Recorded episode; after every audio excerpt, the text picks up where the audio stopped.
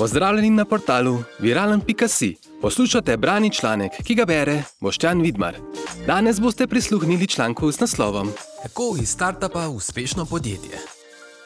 Zakaj vaše podjetje ne preseže magične točke, ko iz 500 tisoč evrov prometa poletite do 10 milijonov?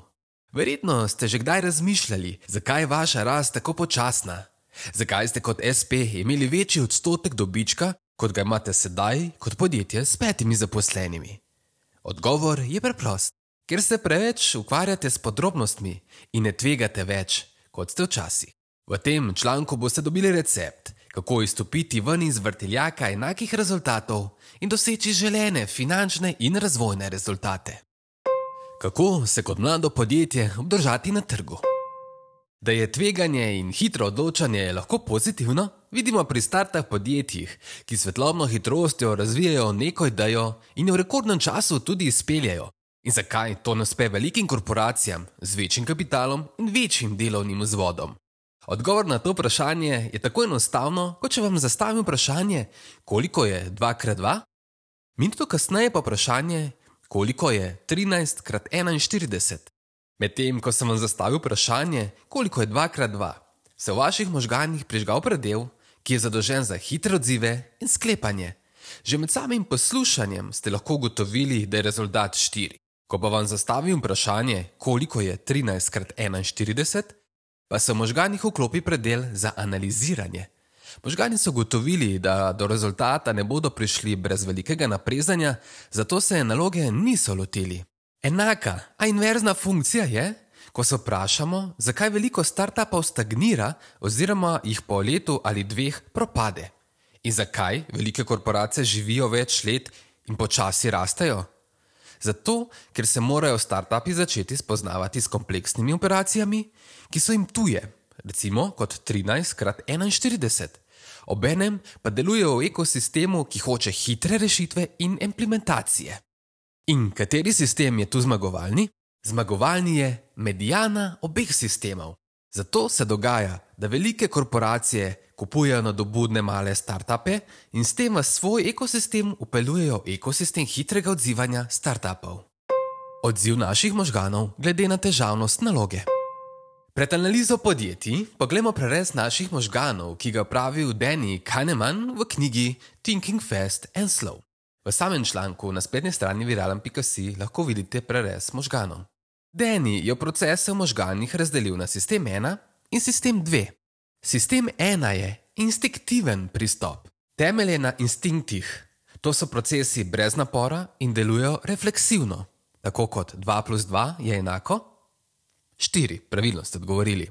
In sistem 2, ki je analitičen pristop, temelji na potrpežljivosti, analitičnem pristopu in zahteva več kognitivnega napora.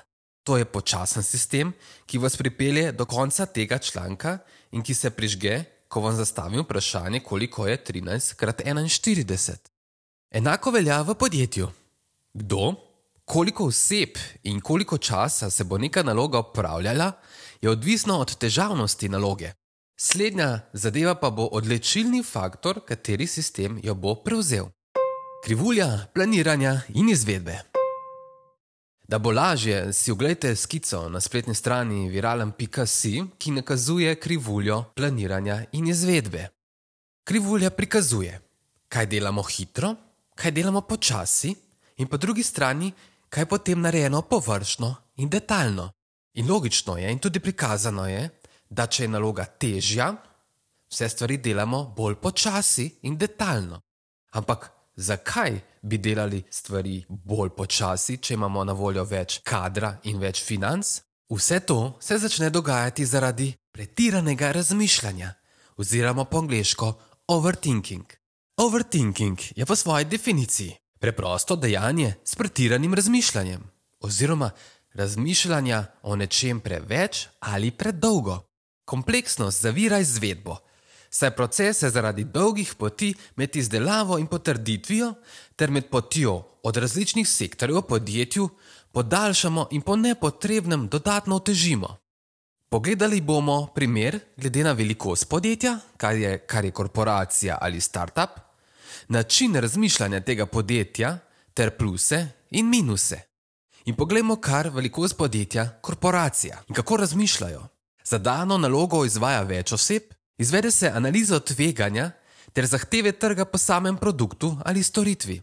Plusi takega sistema so večnivojsko planiranje, poleg izvedbe tudi kadrovski razvoj, finančna predikcija, patentiranje ter dolgoročno in strateško razmišljanje. Minusi takega sistema pa so.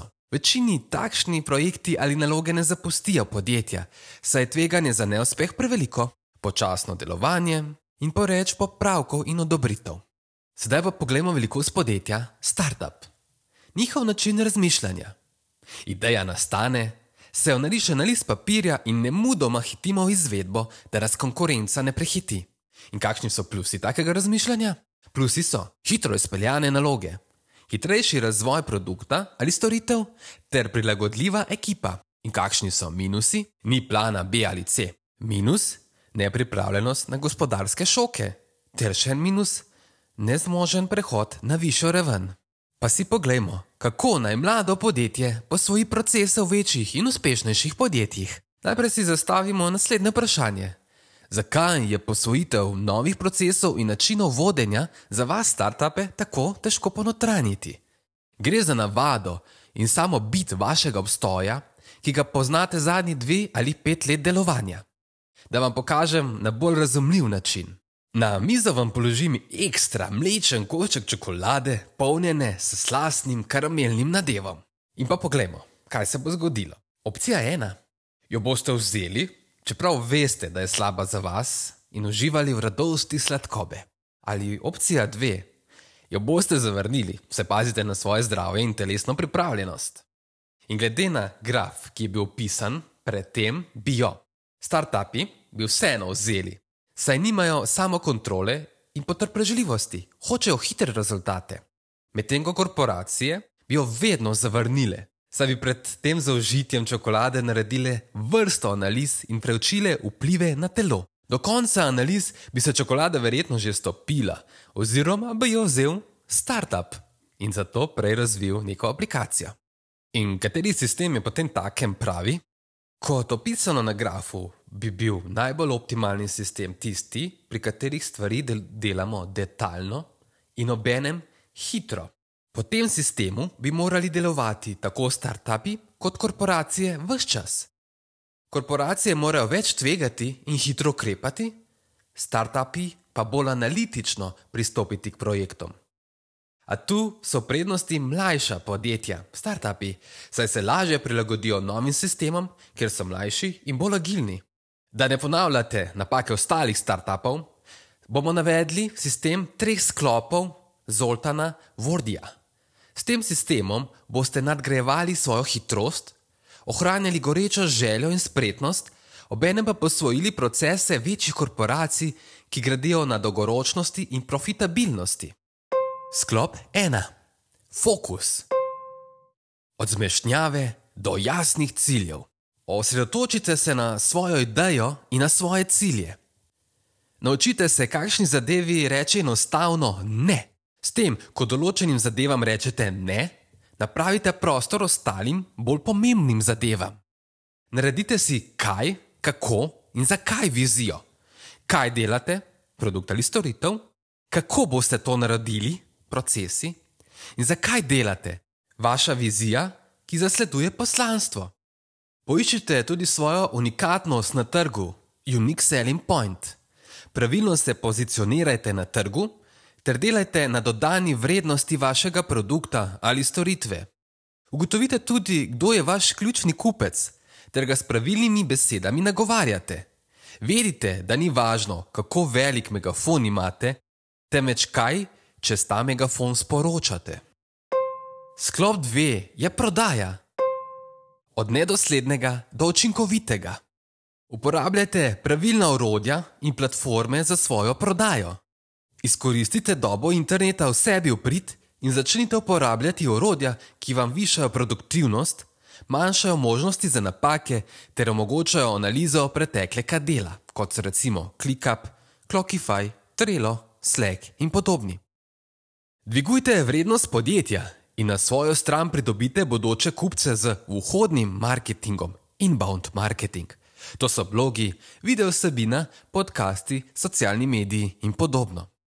Naredite strateški načrt za izhodni marketing, outbound marketing, kjer v svoj lijak pridobite čim več novih bodočih kupcev. Sklop 3. Upravljajte. Od neučinkovitega do produktivnega. Postanite pravi vodja in šef v svojem podjetju. Preglejte vsak aspekt delovanja in ga analizirajte. Dobre procese skalirajte, slabe pa izločite. Določite si jasne cilje in kako jih boste skupaj z ekipo dosegli, ter si določite končne roke za dokončanje. Izberite pravo ekipo ter operacije za člane ekipe.